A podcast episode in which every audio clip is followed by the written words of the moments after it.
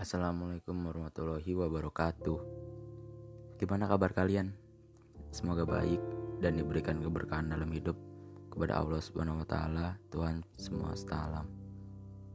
Kali ini aku mau bahas tentang permasalahan yang tidak pernah akan berhenti.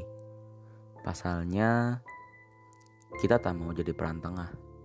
Kita selalu mengandalkan satu untuk menyatukan yang lain. Hingga banyak sekali ajakan atau olokan yang keluar dari lisan kita keluar dari sikap kita yang secara tak sadar merusak pertemanan hanya karena masalah kecil yang tak bisa dipakai untuk berpikir adil dan jari jemari yang seenaknya menyampaikan tanpa melihat akibatnya. Ayo, kita jadi peran tengah. Jangan terlalu memilih satu pihak, karena bisa jadi kita dijebak. Yang dikira paling baik bisa jadi paling licik kan.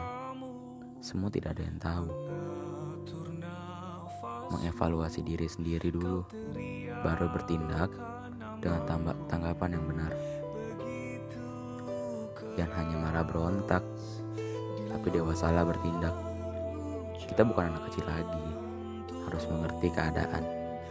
Aku yakin kita pasti bisa ditahan emosinya untuk memberikan dampak positif untuk mereka yang mengkhianati kita, yang menjatuhkan kita, yang meruntungkan harapan kita ataupun bahkan nusuk dari belakang. Tetap tahan sabarmu. Sabar, karena sabar adalah jalan paling terbaik. Saling minta maaf pun dilakukan juga, saling beredakan, dan juga saling menguatkan.